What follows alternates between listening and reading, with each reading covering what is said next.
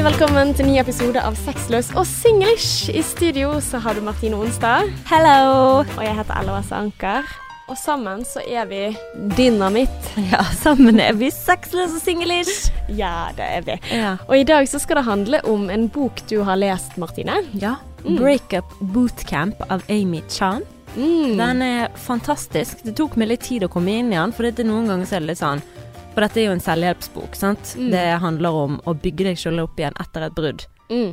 Og det, grunnen til at jeg kjøpte den i utgangspunktet, det er fordi at jeg hadde veldig lyst til å lage et foredrag om å komme over kjærlighetssorg, liksom. Har så det var liksom min inspirasjon, da. Ja, for jeg tenkte litt på det. Sånn, oi, det å kjøpe en sånn bok når du er i et uh, veldig bra eh, forhold, så tenker Mm. jeg sånn hm, breakup bootcamp. Jeg vet ikke helt om jeg hadde vært veldig trygg hvis jeg var kjæresten din. Altså, Nei. Nei, men jeg Men da er jo skjønner sånn jeg. Jeg er trygg nå. Ja, men uansett så er jeg jo en person som kjøper sånne forholdsbøker, uansett hva det måtte handle om, om det er dating, sant. For jeg elsker å snakke om forhold, Mm. så jeg trenger jo kunnskap. Ja. Ja altså når jeg skal skrive òg, skrive bøker, så har jeg lyst til å skrive om de samme tingene. Ja, men det samme altså sånn som eh, Vi har jo denne podkasten om kjærlighet og dating og relasjoner og sånn, og jeg har liksom tenkt det samme, da. At uh, nå må jeg liksom lese meg opp på kjærligheten. Og så begynte jeg å lese Sissel Gran sin Hekta. Eller nei, Sissel Gran sin Det er slutt. Ja. Og da ble jeg liksom sånn Nei, jeg klarer ikke å fullføre denne boken, for da jeg begynner liksom å relatere ting til meg selv, da. Og så handler det liksom om en hyllest til de som går, eller at um, Altså, den, så langt som jeg kom, da, handlet mye om uh, at eh, at det var veldig vanskelig, altså at de ofte ble syndebukken, de som forlater ekteskapet og sånn, men at Sissel Gran, da ga de veldig mye empati, da, og at de kanskje har hatt det veldig vondt i lang tid, da, før de turde å ta steget. Mm. Mens alle andre liksom trøster den som har blitt forlatt, da. Men denne var Mm. til de som gikk. Og da kjente jeg liksom at um, Ikke lurt å lese på dette. For det er litt sånn der hvis du graver, så finner du, sant. Å ja, Altså, ja, ja, og tror så- du meg? Ja, ja, ja. Jeg Mm. meg igjen i masse, jeg, i breaker Boot- Bootcamp. Så det er jo helt greit. Men eh, det var litt morsomt at du nevnte den boken, for når jeg var i Kroatia, Mm. så møtte jo meg og mamma et uh, par, sant. Så Mm. vi begynte å prate med og sånn. Og hun var veldig på du må lese Sissel Gran sin, det er slutt. Og hun sa akkurat det samme som deg. Det er liksom en hyllest til den som går, og, Mm. og mer sånn forståelse for den parten istedenfor til den som Ja, egentlig akkurat det du sa. Ja. Så det var liksom vittig. Mm. For hun har jo begynt å høre på podkasten vår. Oh, det er sant? så Så det kan jo være hun hører den episoden. Ja, nei, vi tenker likt, sant. Du vet, Mm. great minds og så videre, sant. Så jeg liker hun Ja. allerede.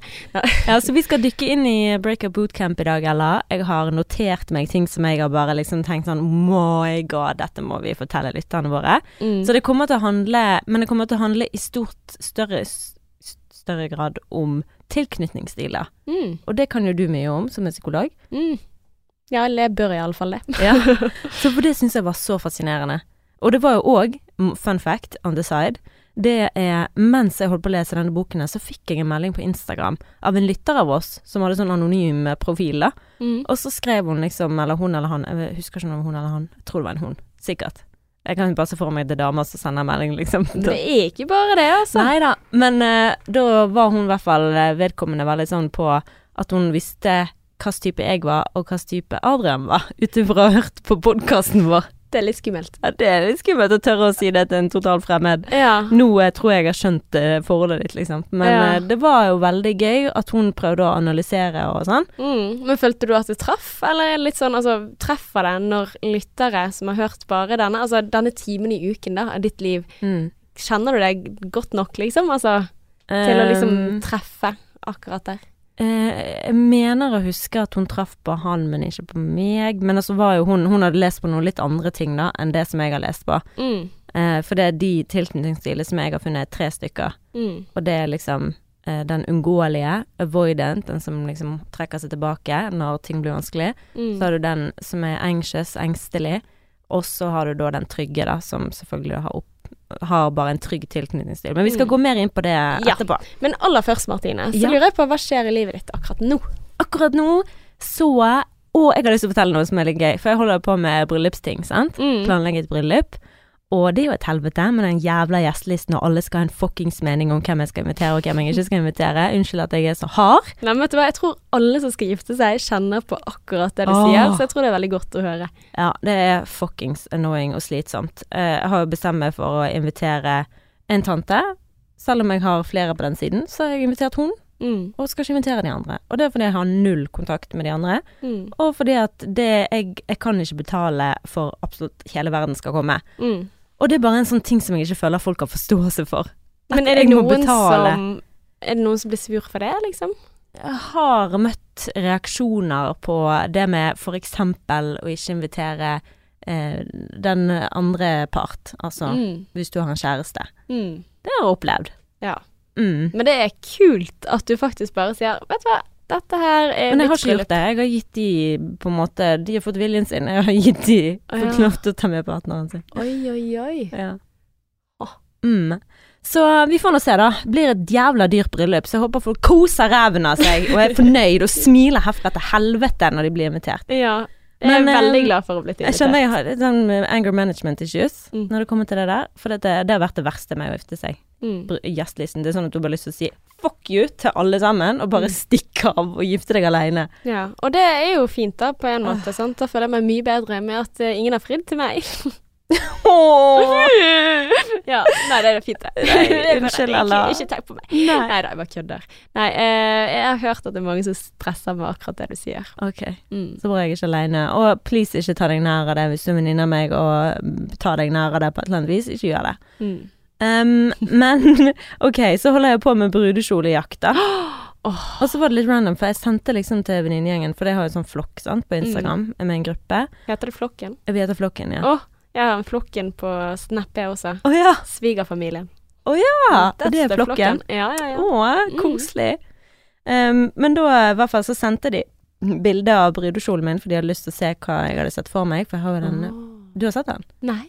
Jo. Har du valgt ut brudekjole? Altså, jeg, jeg ser den for meg, men jeg vet ikke. Altså, jeg tenker OK, men hører kjæresten din på? Nei. Eh, jeg tenker sateng, altså sånn glatt stoff, og åpen rygg. Og så ser jeg for meg at du har kanskje armer som eh, Altså ikke helt lange armer, men semilange armer. Du, du beskriver brudekjolen som jeg hadde sett for meg før jeg ombestemte meg. Er det sant? Ja, men det er ikke denne. Nei. Nei, for det har for ikke det- sett noen Nei, for den kjolen du snakker om nå, var den jeg trodde at jeg kom til å gifte meg i. Som jeg liksom har sett for meg i alle år at jeg kom til å gifte meg i. Ja, jeg Men ser det- for det, meg deg i en sånn så kjole. gikk Ja, for så bare gikk i en helt annen retning. Ok. Så den er litt mer bohem. Men hvordan i all verden visste jeg det, holdt jeg på å si. Jeg vet ikke. Å, den var nydelig, den, Martine. Å, den var skikkelig, skikkelig fin. Ja, vet du hva, du kommer til å se smashing ut. Jeg håper det. Det er litt mer sånn casual, litt mer sånn bohem-stil. Ja, og litt mer tyll.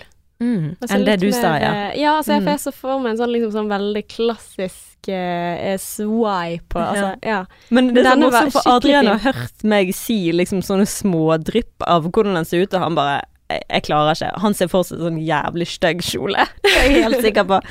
Men uansett så sendte jeg den, og så Nydelig. Eh, plutselig så dukket jo den opp i utforsk-feeden min, sant. For da har jeg vist Instagram at denne kjolen er interessert i. Mm. Så hvordan de får det Ja, til. fytti rakkeren. Men da kom jeg inn på en Instagram-profil Mm. eh, som var tydeligvis merket til den kjolen her, da. Og så sjekket jeg på nettsiden om de, om de sendte til Norge, eller om de hadde en butikk som de samarbeidet med i Norge. Mm. Og da hadde de den nærmeste var i Skien, nei Ski, i Oslo. Ja. Så jeg ringte til den butikken og spurte om det merket. De bare 'vet du hva, vi har faktisk nettopp begynt å samarbeide med de, eller fått inn, få inn deres kjoler'. Og vi hadde ikke tenkt til å ta inn For dette her, akkurat den kjolen, en gammel modell. Mm. Så det er liksom tidligere sesong. Men det er så sinnssykt mange som har ringt de og spurt om akkurat den kjolen. Oh, ja. Ja. Så de har bestemt seg for å ta den inn. Så de har bestilt den, sa hun. Sånn nettopp. Yes! Så de har ikke sendt den ennå. Men jeg skal jo til Oslo til helgen, Mm. fordi farmor har en bursdag-greier. Og, mm, og da tenkte jeg at da kan jo jeg prøve den, men så er ikke det sikkert de får den i tidsnok. Så nå er det bare spennende å se om jeg klarer å få prøvd Mm. den mens jeg er der. Da må du bare tenke på det nok. Jeg må bare manifestere, og det hadde jeg tenkte å spørre deg om. Hvordan går det med manifestasjonene? Eh, du, vet du hva, jeg var skikkelig, skikkelig god. Jeg tror jeg var jeg eh, Altså, jeg var sånn Jeg var dødsgod. Jeg gjorde det hver dag i sånn 24 dager. Altså, da var det fire dager igjen til denne boken du sa var ferdig, altså challengen var ferdig, og så stoppet jeg å gjøre det. Jeg vet ikke hvorfor. Eh, det føltes faktisk veldig godt å gjøre det, så jeg skal tilbake igjen og gjøre det. For at, um, da, jeg føler liksom at det hjalp meg litt sånn med retning. Sant? Hva vil jeg? Hva er viktig i livet? Og uh, apropos viktig i livet, så, så har jeg liksom funnet ut litt av det i helgen, jeg, faktisk. Mm. Fortell. Eh, nei, altså jeg har vært i bryllup. Ja. Sykt kjekt. Altså nå kommer jeg egentlig rett fra Oslo eh, inn i podstudio her. Eh, flyet var forsinket. Ja, klart en ganske dårlig dag. Kanskje jeg manifesterte feil, hvem vet. Men eh, det var liksom sånn en av de få gangene vi har barnevakt, og jeg og kjæresten min var sammen ute på fest. Og jeg merker sånn at i bryllup, fy fader, det var så romantisk. Jeg blir så rørt, og jeg blir sånn åh, dere må være verdens mest perfekte par. Eh, begge holdt tale. De var så fine, og jeg gråt mange ganger. Eh, ja, skikkelig Sa de sånn skikkelig klissete ting til hverandre? Ja, de gjorde det. Ja, men på en, på en veldig fin måte. Altså sånn Ja. At- sånn, du er det mest perfekte mennesket i denne verden, og jeg, du er laget for meg, og du er mitt, min person, og vi utfyller hverandre og sånn. Eh, ikke helt sånn på den måten, egentlig. Altså, det var Nei. ikke klissete. Okay. Det var eh, veldig fint. Det Det var var, veldig sånn, om hvordan de møttes, og okay. hvordan liksom han var bailer, og hun eh, Altså, hun var ikke interessert, og han var tålmodig i sånn to år og jaktet henne ned. Altså, nei. Og, så nå er de bare uber-duber eh, Forelsket. Ja, altså det virker sånn etter mange år. Altså, nei, jeg bare blir litt sånn Men det er jo faren, da. Men i bryllup så ser du bare det fine, ja. og så blir man sånn derre Har jeg egentlig det sånn? Ja, Sant, men jeg eh, tror hvis du hadde giftet deg, så hadde du òg kjent på det, for det er noe med det å gifte seg og så kjenne Altså, det er jo en fest av kjærlighet, sant. Mm. Du er jo alltid jo lagt opp til fokus på dere, det er ingen Mm. problemer, alt er liksom glemt i det øyeblikket.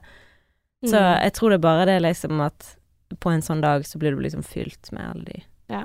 Og det var veldig kjekt, da. Men uh, det jeg skulle si, da, i Mhm. forhold til hva som var viktig, er liksom Det var sykt kjekt. Jeg er veldig lite trent sosialt, merker jeg, akkurat nå for tiden. altså, det er lenge siden vi har vært på den type arrangementer i det hele tatt. Men, uh, men jeg har jo ikke akkurat veldig mye egen tid. Så jeg kjente litt på det der at gud, behovet mitt for egentid har faktisk gått veldig ned etter jeg fikk baby. Altså selv om Altså, det var veldig stort i starten når vi var, men jeg har blitt vant til mye mindre. Og så kjente jeg litt etter sånn OK, neste gang jeg skal få barnevakt på den måten, så er det på en måte Må det da et bryllup til, eller en stor fest? Fordi at egentlig så er ikke mitt behov å være ute og feste. Altså vi gikk hjem halv elleve, tror jeg, eller noe sånt, hvor det var bare eh, brystspreng og jeg må hjem til ungen min. Eh, ja, Savner savner, han. Savner han Mm. sykt. Det er klisjé. Skulle ikke bli sånn. Skulle være cool mom. Eh, skjedde ikke. Men jeg kjenner liksom Hva er det jeg har behov for hvis jeg skulle hatt egen tid? Altså, så er det Trenger mer én-til-én, jeg. Med gode venner. Og det er liksom Hvis jeg skulle ha barnefri, så kanskje en fjelltur. Kanskje å hatt en morgen. Altså en god natts søvn og så en morgen hvor jeg kunne ligge i sengen og se på TV. Mm. Det er liksom Ja. OK. Det er jo luksus. Det er kjempeluksus. Jeg bare nyter, altså. altså. Men kanskje det er det heller. For jeg føler liksom for å få barnevakt, så skal du måtte gjøre, et eller noe ute. Men du vil bare ha barnevakt for å kunne være med deg sjøl. Ja, og, Og- eller de ja. nærmeste. Altså det å bare være med en venninne eller to, altså. Og Ja. gå en tur. Mm. Mm. Jeg skjønner det. Og det, Eller, ja. det er jo ingen sånne ting som står i veien for det. Nei, det er jo ikke det. en barnevakt hjemme. Ja, ja. Det er Kristoffer. Ja ja, men det er jo fint å være sammen med han også. Altså, at jeg skulle gjerne hatt han med meg, da. At vi to kunne gått en fjelltur. Altså, vi kunne gjort sånne ting. Men iallfall. Men jeg gleder meg til han blir gammel nok til at jeg kan få lov til å passe, hvis det går an i det hele tatt. Hvis Mm. du hadde tørt det. Eh, vet du hva, jeg har eh, behov for det, altså. Jeg får sånn sånn Vi, seriøst. skal, vi, har bestilt på, vi har bestilt på bare. Har dere? Mm, Ja. Jeg tror det er en uke til. Ja. Do you wanna? Kødder du? Kan jeg få lov? Ja, men altså, det er på kveldstid. Ja, men Vi kan snakkes om det etterpå. Ok, ja, men, Men- jeg vil. Altså, Seriøst? hvis, du, hvis du lar meg få lov, så har jeg dødslyst. Ja, med legging og everything. Ja. ja. Litt. Oh my god, er- ja. det, er jo drømmen. Jeg blir helt varm. Det er jo drømmen. Ja, du må se om det passer. Men vi tar det etterpå. Okay. Dette er kjedelig for alle andre. Men uh, i alle fall. An- Anyways, det var meg siden sist. Er du Ja. ferdig med hva du har på hjertet? Ja. Ja. Jeg er klar til å snakke om breakup bootcamp. Breakup bootcamp. And we're back with breakup bootcamp. Nei, Motherfuckers. Ok, vi skal snakke om break, breakup bootcamp. For jeg har lyst til å snakke om det å bli dumpet på en litt grann annen måte. For hva om vi liksom tar litt ansvar for at det skjedde? Og da mener ikke jeg at det liksom er din feil at personen eventuelt er en idiot, men at du øh, tar ansvar for at du valgte denne personen. Så når vi går rundt og liksom slenger drit om den idioten av en person som vi datet, så må du òg huske at du valgte å være med den idioten. Så da snakker du på en måte litt drit om deg sjøl. Mm. Sant? Og ikke bare valgte du å være med han, men du forelsket deg i den idioten. Ja. Så her til alle som er dumpet, her har du en ny måte å se på det. Ja, rett og Mm, slett. Det er din egen feil. Ja, det er din egen feil. Ta litt ansvar. Men sant, hvorfor forelsket du deg i akkurat den idioten? Eller hvorfor har du det, kanskje hvis du har det, et mønster av idioter? En, Mm. en, et teppe bak deg av bare masse duster. Er det kanskje fordi at du har en usikker tilknytningsstil, eller et mønster som repeterer seg?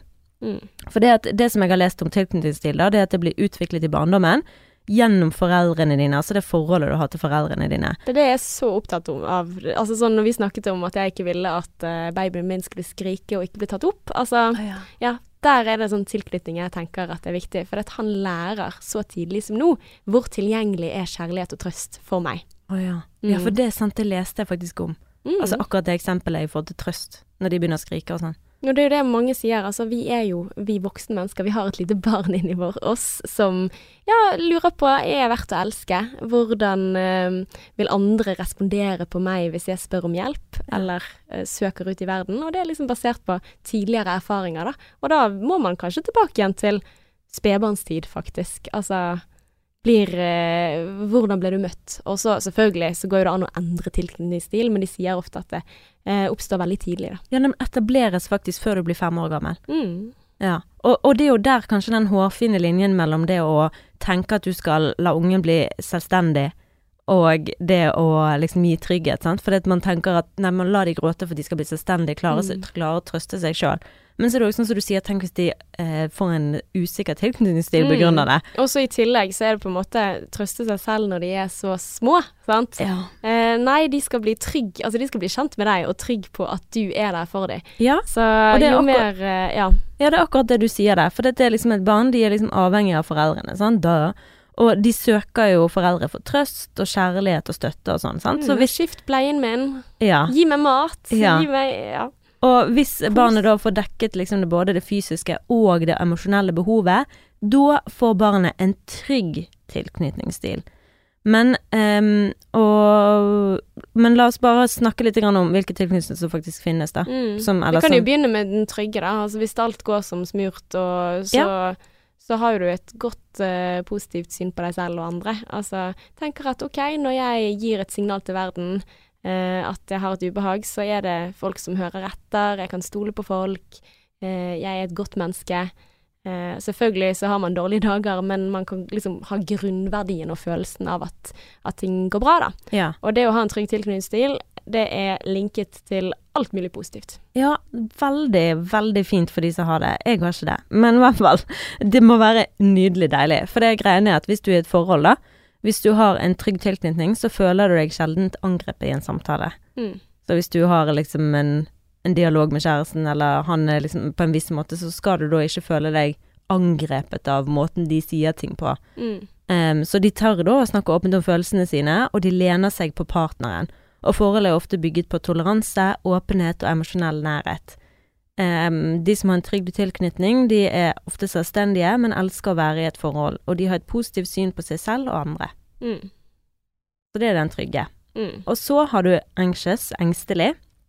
Uh, sånn som du òg sa, at det, de er òg kalt avhengig i andre modeller. Ja, altså de, det er forskjellig forskning på tilknytningsstiler, og så er det noen steder man har med uh, altså litt ulike navn, men det er same Ja. shit, liksom. Og, og engstelig tilknytningsstil er altså at du ofte får angst av å tenke på å leve alene.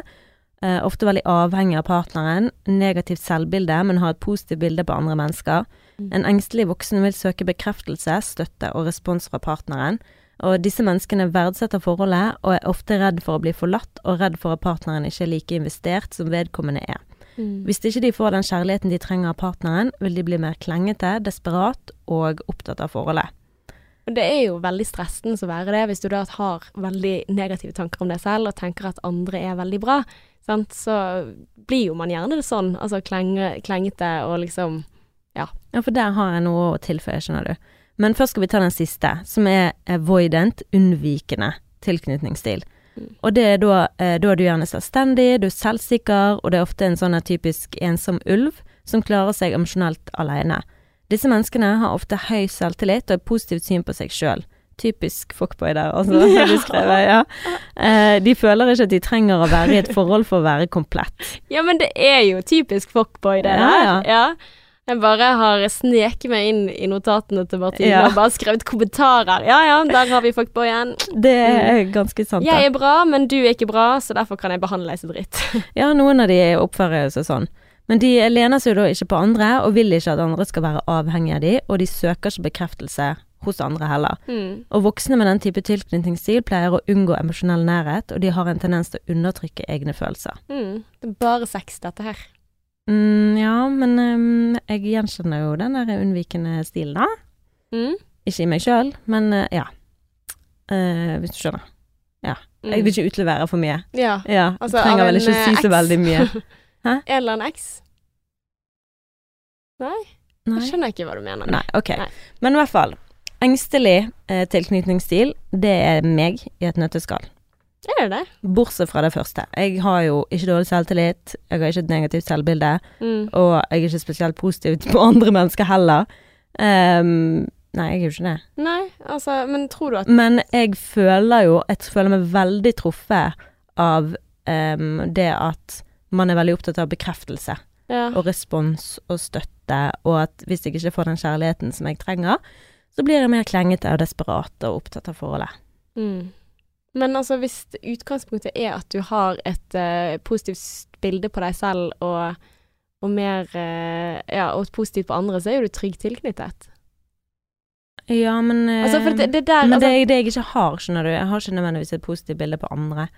Nei, da er du egentlig mer uh, fuck girl, du, da. Nei, for Altså. jeg er ikke unnvikende heller, i det hele tatt. Uh, det er ikke sånn jeg fungerer. Jeg reagerer ikke sånn. Um, men um, ja. Så jeg føler jeg reagerer veldig sånn Mm. i den anxious stil, da, i den engstelige tilknytningsstilen. Og jeg ser det òg, sånn som når jeg leste den boken og, og vet liksom med mitt forhold til mamma og pappa, så vet jeg at Mm. jeg har veldig trygg eh, forhold til mamma, men Mm. ikke til pappa. Ja. Ja. Men det er jo litt sånn Altså, jeg, jeg tror jo at um, Altså, sånn som jeg bruker eh, tilknytningsstiler, i, i hvert fall i én terapiform, da, så er det liksom sånn Tanken er ikke nødvendigvis at du er fastlåst på en av de typene som er utrygg tilknytning, men i krise, når du føler at ting eh, er veldig, veldig kjipt, så kan man bevege seg mer mot en tendens, da, eller flere tendenser. Altså, jeg kan jo kjenne på det der at OK, med noen mennesker så blir jeg mer mot engstelig tilknytning, men med noen mennesker så blir jeg mer eh, avoidant, unnvikende.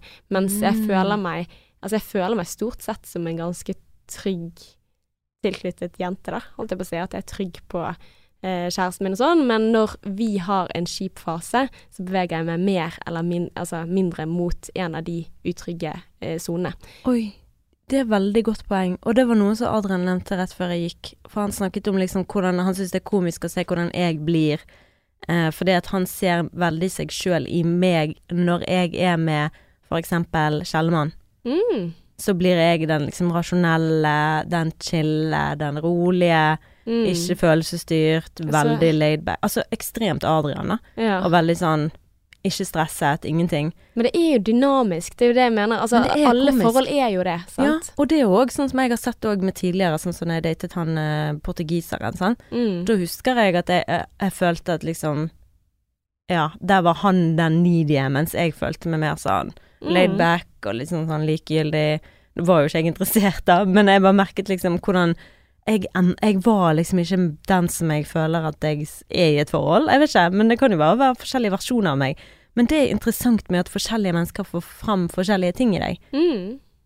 Altså, jeg tror jo det, da. Mm. Men Mm. jeg tror i kriser generelt så får jeg frem Altså da kommer frem den engstelige siden i meg. Mm. Men det kan jo godt være at alderen er den som provoserer det frem, jeg vet ikke. Nei, men altså, kan jo hende at i, i faser når dere møter på motgang, så blir det den fordelingen, da, mellom dere. Mm. Um, men uh, altså, for jeg, jeg føler jo liksom sånn når man tar fram en teori, da, sant, sånn forstår jeg verden, sant, sånn som hun som har skrevet denne boken, sant, i- eh, legger alt på tilknytning, så er det på en måte sånne båser, men ingen vil passe perfekt inni alle disse her tilknytningsstilene. At vi kan godt si at OK, jeg er mest sånn, Mm. men altså, selv når du tar en personlighetstest som eh, f.eks. det ene trekket i en personlighetstest som er ekstroversjon og introversjon, altså hva er du egentlig? Så Mm. mener jeg at det går an å være begge deler, selv om det er egentlige ytterpunkter. Men det skriver hun òg. Mm. Og hun skriver jo det at det er ikke sånn at du nødvendigvis passer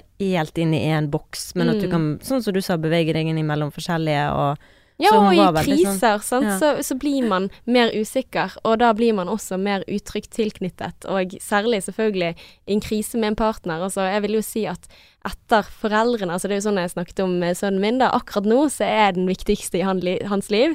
Men jeg, jeg sitter jo nå med sånn skrekk og gru og tenker at åh, når du blir voksen, så blir ikke jeg lenger den personen. Mm. Sant? For du skal møte noen, du skal møte venner som blir tilknytningspersoner, men også i dag så er min viktigste tilknytningsperson er jo kjæresten min. Og far til mi, mitt barn. Sant? Mm. Altså han er samarbeidspartneren min. Det, altså, og der går jo det opp og ned. Sant? Og typisk er at jeg går over i eh, ja, negativt syn på meg selv, positivt på andre. Det er også min, eh, min type stil når jeg blir usikker Mm. men jeg føler meg mest forankret i det trygge, da. Og det som er så fint med det å være trygg på andre, sant, er jo at det nødvendigvis ikke generaliserer seg. Sant? Altså selv om jeg har det kjipt med han i en periode hvor jeg kanskje kan bli litt klengete og sånn, så kan jeg fortsatt ringe og stole på at jeg har deg der, Mm. og at jeg har mamma der, og jeg Mm. har eh, søstrene mine der, sant. At jeg får støtte der. Og da er jeg, da mener jeg liksom, da er jeg mest trygg tilknyttet, selv om at i forhold i perioder så kan jeg være eh, utrygg. Ja, men altså selvfølgelig, jeg er jo òg veldig trygg på menneskene som jeg har i livet mitt, og Mm. de kommer til å være der for meg, så jeg tviler ikke på de. Mm. For det er veldig lett å stole på de, for de er jo der, og de er jo ikke gjennom De er jo ikke der med meg gjennom det vanskelige, de er jo bare der for det gode. Mm. Så de er jo der hele tiden. Hvor ofte har du liksom en krangel med venninnen din eller med Nei, moren nei, din? Det er jo liksom ikke. ekstremt sjelden man jeg- har store kriser med de. Det er jo med kjæresten du har krisene. Mm. Jeg tror jo at, men hvis du liksom skal snakke om hva er din dominante stil, da, så vil jeg si at altså, de som har en dominant, unnvikende eller engstelig tilknytningsstil, de vil også ha mer vanskeligheter med de andre menneskene som er perifere, da. Mm. Mer enn de, liksom. Altså fordi at man tenker liksom at hvis du har oppvok eh, oppvokst med eh, ja, ikke den beste omsorgen og sånn, så vil man heller ikke stole på andre Mm. at folk er der for deg, sant. Så vi kan jo på en måte Så jeg er ganske sikker på at du er ja. Men eh, det, ja, ja, det Du, nå er vi inne på noe her. For dette, jeg tror faktisk ikke jeg stoler på at andre er der for meg. Nei. Nei, ikke i det hele tatt. Jeg er litt dårlig på det. Jeg har tenkt på det at jeg har liksom ikke Har aldri hatt en Jeg har hatt i perioder, men de har jo ikke vært der for meg, da. Eh, til slutt, eller ja, det er jo egentlig bare én. Men eh, du vet hun venninnen som jeg hadde veldig nært i kanskje to år. Mm. Eh, hun var jo kanskje en person som jeg kunne ringe til uansett, og når som helst. Men jeg har liksom ikke den personen utenom mamma og min lillesøster, eller ja, mine søstre, liksom, at jeg vet at de er der uansett, da. Mm. Men eh, så nei, jeg stoler nok ikke på at andre, for jeg føler liksom andre er opptatt med sitt eget liv, og jeg er veldig dårlig egentlig på å, å søke trygghet og og. Ja. Ja. Det er jo ikke mange ganger jeg har ringt deg for det- Altså, jeg har jo gjort det, men det er ikke mange ganger jeg har ringt deg. Nei. Det er det ikke. Du må jeg- bare ringe. Hallo. Jeg vet, jeg er kjempedårlig på det. Å liksom skulle plage andre, for det er jo det, du, det, er det jeg føler jeg gjør, da. Plage Mm. andre. Men, eh, Jeg men tenker at jeg underholder andre. Så. altså, jeg, jeg, jeg, jeg kan se liksom for meg liksom sånn at OK, hvis jeg søker støtte, så er jo det en til, altså, tillitserklæring til de, og alle setter jo pris på litt sladder i livet sitt. Altså, jeg kan ha en sånn umiddelbar sånn ja ja, det å søke hjelp hos andre er ikke nødvendigvis noe negativt, da. mm, Men jeg kan jo kanskje være ukritisk, sant, altså dele med mange, men altså mm, Nei, men jeg stoler veldig på andre. mm. Ja. Nei, men Mm. jeg, jeg ser i hvert fall sånn i forhold til hvordan jeg er, og for eksempel min lillesøster, da jeg hadde en samtale med hun òg i forhold til tilknytningsstil, og hun har jo en trygg tilknytningsstil. Mm. ja. Og det trengte jeg egentlig ikke å spørre henne om heller, fordi at jeg opplever hun som ekstremt trygg, og hun sier jo det sjøl òg at hun er det. Mm. Så um, der har vi jo egentlig hatt samme foreldre, Mm. men hatt forskjellig Har likevel forskjellige tilknytningsstiler. Mm. Og det er jo gjerne liksom en blanding mellom arv og miljø. Du har litt Mm. andre Ja ja, erfaringer. Ja, og, Absolutt. og du har andre gener som Mm. også vekker andre ja. reaksjoner i miljøet, Ja, så det er veldig vanskelig å avgjøre hva som er hva. Det er da. sinnssykt spennende. Men det er i hvert fall hun, eh, Amy Chan, hun mener da at alle som har en usikker, u, usikker, usikker tilknytningsstil, må finne seg en med en trygg tilknytningsstil. Ja, så du må finne en partner som Ja. er liksom OK. Ellers så blir det veldig vanskelig. Så hvis Mm. du er singel og hører på dette her, prøv å finne ut av ditt eget mønster. Hva har de siste partnerne dine til felles? For hvis du har en usikker tilknytningsstil, da, så blir det mye verre eh, for deg. Det er akkurat som å være fylt av angst og få noen som hele tiden trigger den angsten, egentlig. Mm. Av å være med en som er like fucket. Um, Mm. Så det er liksom som å være Ja, jeg kan jo si det, det er det jeg har skrevet ned, da. Det er som å være avhengig av heroin og date en dealer. Men det er liksom kanskje ikke akkurat den. Jo, men vet du hva, eh, det er en ganske god eh, beskrivelse, det, Martine. ja, men det altså blir det å liksom skulle søke kjærlighet. For det, altså, premisset her er jo at alle trenger og, altså, omsorg og støtte. Men så er det på en måte noen som ikke tror på at den er der, og noen som søker den. Og, Hos hos men, mennesker. ja, fordi at de forventer Altså, de tenker at 'jeg fortjener ikke det'. Nei. Så de prøver å få det, men får det ikke. Men de får det av og til, sånn at når de får det av og til, så får du liksom det jaget hele tiden, sant. Mm. Uh, og det er sånn som hvis du hele tiden tar heroin, så blir du òg over Altså det er jo overdose. Mm. Så du Ja. Men uh, uansett, skal ikke gå altfor inn i den metaforen der. Men problemet er da at hvis ikke du er klar over ditt eget mønster, så vil du bare fortsette å søke etter det som ikke er bra for deg. For en med usikker tilknytningsstil vil det å være med en sikker oppfattes som kjedelig. Mm. Kjenner meg veldig igjen i det. ja. Så det som hun, eh, Amy Chan gjorde, det var at hun begynte å date menn som hun tidligere hadde følt eh, var kjedelige hermetegn. Mm. Og til slutt så møtte hun da en som heter Carter, som hun har kalt han. Som hun bare i begynnelsen så på han som en venn. Han var veldig interessert. Eh, så de bare fortsatte å så hverandre. Og helt til hun da noe inni henne bare sa klikk. Mm. Og hun så aldri på han på samme måte igjen. Så ble hun plutselig forelsket igjen. Og oh. dette er jo en venninne av meg som opplevde akkurat det samme. Åh. Hvor de har vært flere år liksom litt sånn bare venner og Mm. Og så- eh, plutselig, en Ja. dag, et øyeblikk, så bare endret noe seg. I en Mm. eller annen De hadde en latterkrampe eller noe sånt. åh, Og så bare plutselig så gikk hun hjem den dagen og tenkte shit. dette her er mannen i mitt liv. Ja. Ja. Så Mm. eh, Men jeg vil jo ikke skremme folk som tenker jeg har en usikker tilknytningsstil, og mannen min har en usikker tilknytningsstil, eller jeg har en tilknytning, eh, usikker tilknytningsstil, Mm. eller og han har en avoidant, eller hun har eh, hva enn du har. Og eh, For dette går jo an å endre mønster. Du kan lære deg i voksen alder å ha en sikker tilknytningsstil, Mm. men det er faen ikke bare bare. Nei, og, og så er det liksom også det der Sånn som vi har snakket om mange ganger i denne podkasten, sant. Hvor mye av det ansvaret på å bli trygg i deg selv skal du legge på noen andre? Nettopp. Det er jo ikke rettferdig. Nei, men altså sånn ok, da skal jeg finne en som er trygg. Men greien er at altså, du kan jobbe med deg selv Ja, men det og er lett. stole på Nei, nei, selvfølgelig ikke. Men det er liksom Hvem er det som eh, kan ta det ansvaret? Ja, det er deg. Altså, Mm. det, det, er, det er ditt ansvar på et vis. Men Mm. også, det er jo fantastisk, for det er du som kan gjøre noe med det. Ja. Sant? Det er også en mulighet der, da. At uh, selvfølgelig er jo ikke det bare bare å lære seg å stole på andre mennesker, men det er jo liksom start med deg sjæl, Mm. sant. Altså, uh, ditt Det å liksom OK, tenker jeg at jeg fortjener kjærlighet fra andre? Tenker jeg at jeg fortjener på lik linje med andre støtte og trøst når livet er kjipt? Og hvis svaret er nei der, så tenker jeg OK, det gjør du for faen. Mm. Hva, hvorfor ikke, liksom? Og så må du da finne ut av det, da. Mm. Og jobbe med det fordi at ja, du er bra nok, da. Ja. Altså Og, og der hun hadde en sånn oppgave da, på hvordan du kan finne ut om du har et mønster, for eksempel.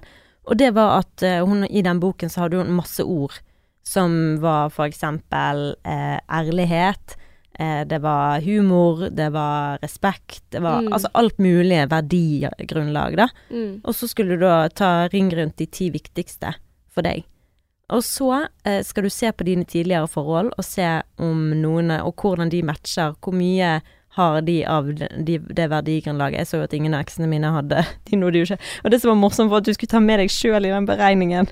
Så eh, når jeg da skulle vurdere meg sjøl, mm, og liksom Jeg vurderte jo Adrian òg, mm, men jeg fikk jo definitivt høyest score på alle mine verdier. Naturlig nok, da. ja. Siden det er jo, dine, det, er jo det som er selv, ja. viktig for deg, Mm. og da er du jo gjerne da fokuserer du på det i deg sjøl òg. Ja. Så hvis det at ærlighet er viktig for deg, eller eh, humor, eller ja, eh, å gi kjærlighet, eller hva enn det måtte være, da, så er du gjerne veldig opptatt av det, og da gir du det. Mm. Sånn, Det er jo det ditt grunn, grunnlag er. Men eh, så jeg nådde jo veldig høyt på den, eh, mens eh, eh, Adrian òg havnet veldig høyt. Mm. Eh, ikke like høyt som meg. Men mine ekser, derimot. det er et godt derimot tegn, Martine. ja, Så jeg har jo Mm. klart å snu det sånn sett. Men eh, Mm.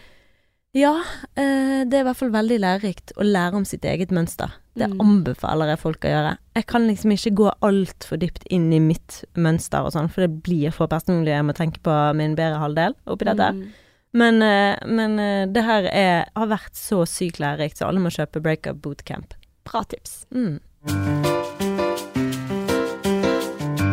Men sånn ellers, i Breakup Bootcamp så har jeg laget meg noen notater, så jeg har faktisk nødt til å dele, for jeg hadde så mange sånn deilige åpenbaringer som jeg er så glad i. Mm. Eh, så det var litt sånn, sånn eh, brain orgasms inni der.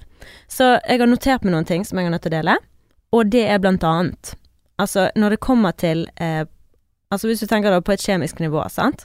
Et kjemisk nivå som i hjernen og, og kroppen, Mm. og inni systemet vårt, så kan ikke hjernen og kroppen se forskjell på når vi husker fortiden, og når vi opplever nåtiden, eller se for oss framtiden. Mm. Så ditt system, din hjerne, din kropp, aner ikke forskjell. Så når du sitter og tenker på fortiden din, så vet ikke kroppen din om det skjer nå, eller om det skjedde før. Mm. Er du med? Ja. Veldig fascinerende.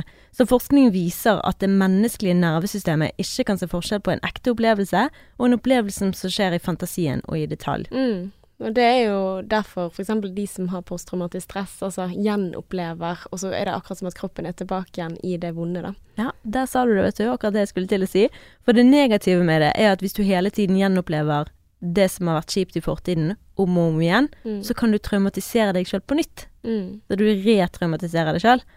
Men den gode nyheten det er at du òg kan bruke hjernen din til å lure kroppen din til å tenke at noe positivt skjer bare ved å bruke visualisering. Mm. Og det her går jo faktisk ut på love attraction, som vi har snakket om. Manifestering og tenke på det positive, og så blir det positivt. Sant? Ja, Og det handler jo ikke bare om å tenke på en ting, du må føle det òg. mm. For kroppen din klarer å, å plukke opp følelser.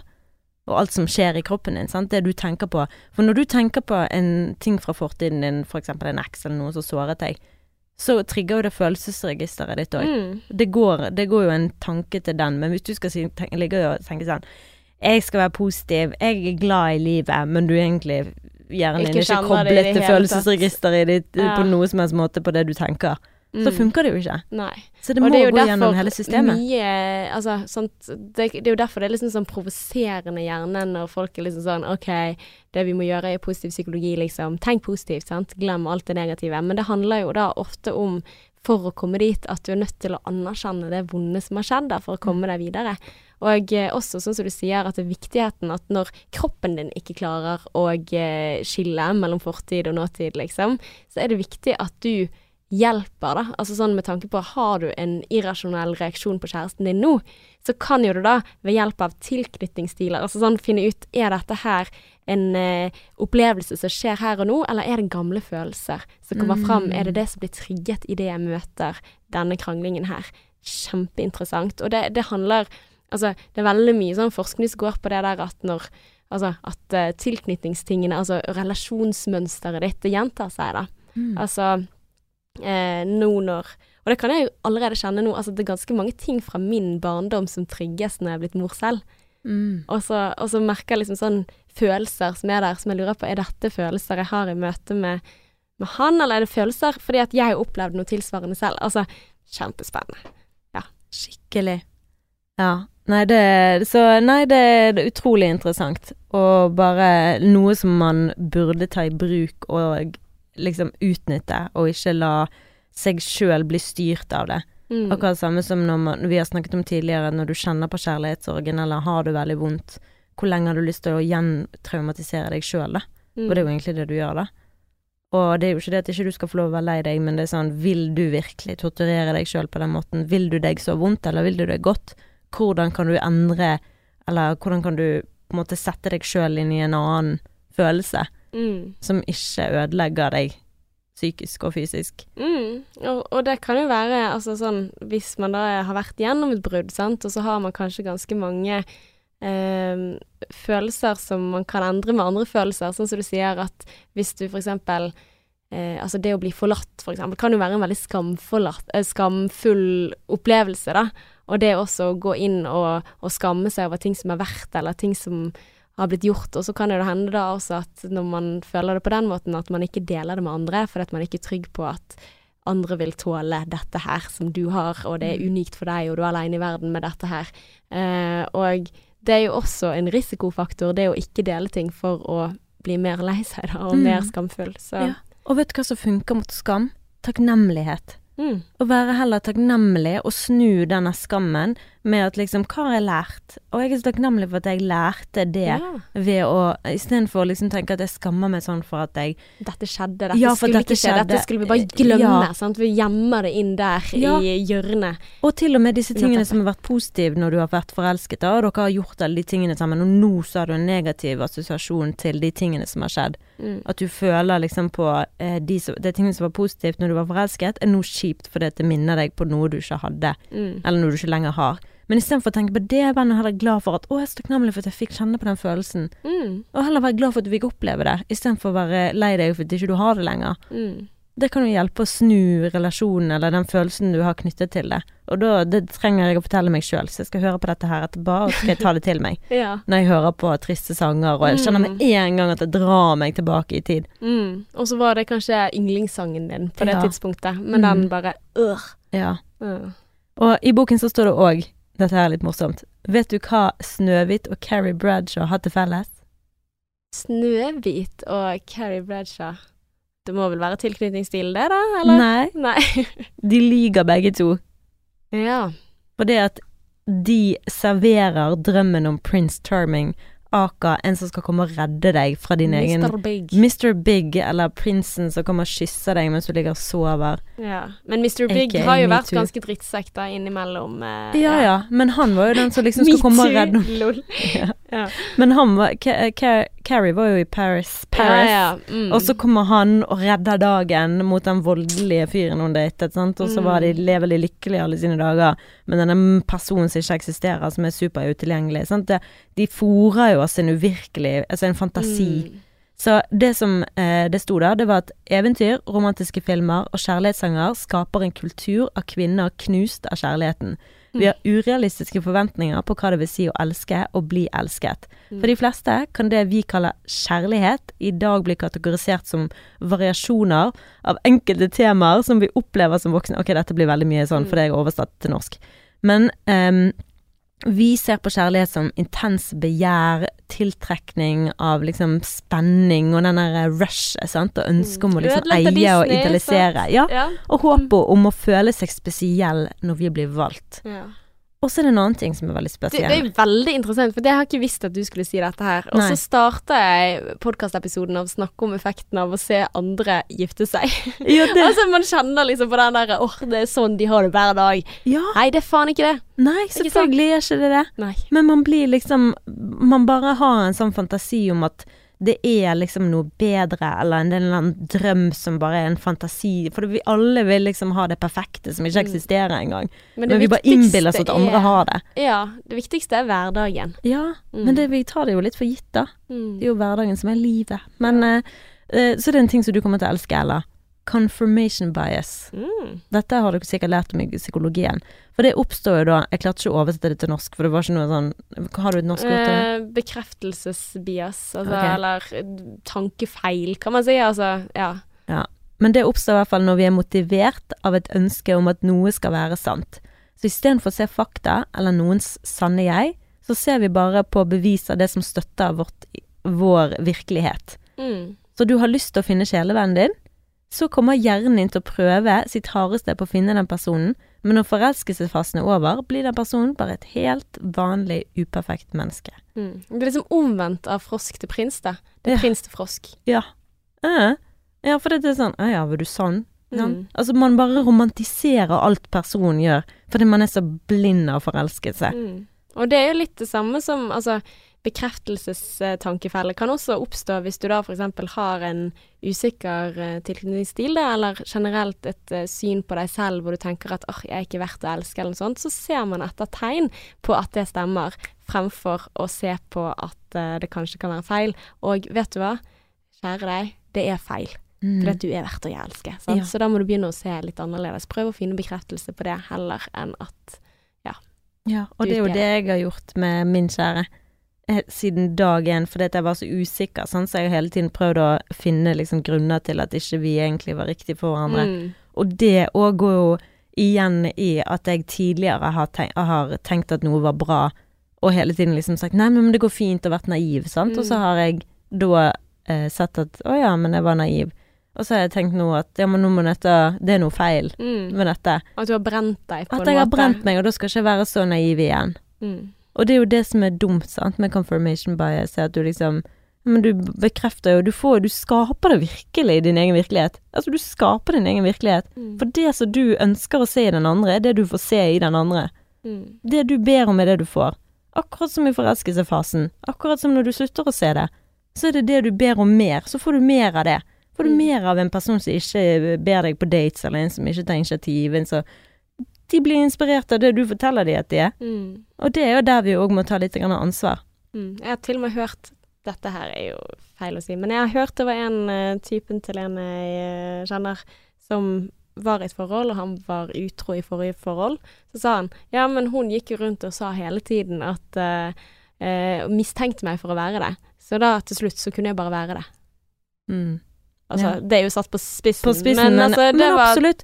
Men se på på et, et par som har vært sammen i mange, mange år, da. Eh, det er en jeg snakket med. Og han fortalte liksom at nå hadde han Han hadde vært gift i 15 år, men så hadde han blitt sammen med en ny person, da. Eh, og de har vært sammen i et år eller et halvt år. Ett og et halvt år. mm, Og han bare sånn Jeg har måttet bli kjent med meg sjøl på ny. mm, Og det handler jo om at hun tar ut noen sider i han som ikke hun andre klarte, fordi at man har liksom grodd fast i et mønster, og hvordan Mm. man Og så blir man bare den personen som den andre ser. mm, Og jeg, det har jeg sagt tusen ganger før, jeg tror kjærestene våre har så mange sider. Og, og det er jo ikke det at jeg skal sitte her og bare sånn Jeg får ikke fram de sidene, for det har jeg gjort. Jeg tenker liksom Jeg får ikke fram de sidene igjen. Men det er liksom Det er jo både og i alt. Men jeg tror virkelig at kjæresten, og du, har mye mer Altså har mye mer sider enn det vi kanskje innbiller oss vi har. Vi begrenser oss sjøl, og vi mm, begrenser partneren vår. Mm. Og dette her er jo et stort tema, så det skal vi faktisk snakke mer om neste episode. Oi, det skal vi, ja. Ja, det skal vi. Gud, jeg gleder meg til det. Mm. Så med denne episoden så vil jeg bare avslutte med et lite quote okay. på engelsk. There's no such thing as failure in love. Relationships end, but they don't fail. Love is only a failure when you don't learn from the experience and you don't try again. Mm. Det var fint. Sant? Mm. Ja. Enig. Vekk med skammen. Vekk med skammen. Prøv igjen. Aldri gi opp. Du Mm. kommer til å finne kjærlighet i den du er sammen med, eller i en annen. Who cares om det blir slutt? Ingen skam i det. Vi Mm. skal fjerne skammen, og det må du nødt til å gjøre òg. Og så må du nødt til å finne ut om du har et mønster. Det blir Mm. veldig spennende. Og i tillegg til takknemlighet for skam, må bare få det inn der, mm. si det høyt. Fortell det til noen. Noen som eh, Ja. Noen som kan vise deg at OK, det er menneskelig. For at alt er gjort før. Alt Lover. er gjort før. Ikke skam deg over noen ting Mm. i livet. Ja. Det er faktisk vanskelig. Jeg kan av og til ha et sånt øyeblikk. Eh, jeg husker sånn Vet du hva, nå skal jeg Nei, nå skal jeg, nå skal jeg vet si Ja, øh, gjøre som jeg preacher, holdt jeg på å okay. si. Ja. Jeg bare kommer på et sånn her eh, En gang i gymmen hvor jeg prompet høyt. på barnesko. Altså, jeg, jeg drar tilbake igjen til det. Av og til så kan jeg sitte på natten og bare sånn Åh, skjedde det, liksom? Skjønner du hva jeg mener? Ja. Ja, ja, men jeg har et sånt øyeblikk, og nå, nå, nå Jeg merker jeg rødmer, men nå skulle jeg bare si fram noe sånn skambelagt som eh, Ja, får vi håpe at det blir mindre i morgen. Ja, men det er jo Hvorfor sier jeg dette her? Ja, Men herregud. Jesus Christ. Jeg har jo Ok. prompet på kontoret nettopp. Og så var ikke det høyt sånn at de hørte det, men den luktet, og jeg tenkte please ikke kom bort til meg nå. Please ikke kom bort til meg nå. Var det noen som kom bort? Altså var det noen som kom bort, så tenkte jeg jeg håper den lukten var vekke når de kom bort. Ja, nei Så der har du det. eh, Nå slipper du å stå alene i skammen. Å, takk, sant. Det funker. Ja, Det funker. så bra. Veldig godt. OK, takk for at du hører på. Nå er det seint. Nei da. Å, gud. Det går ikke litt seint. OK, until next time. XOXO.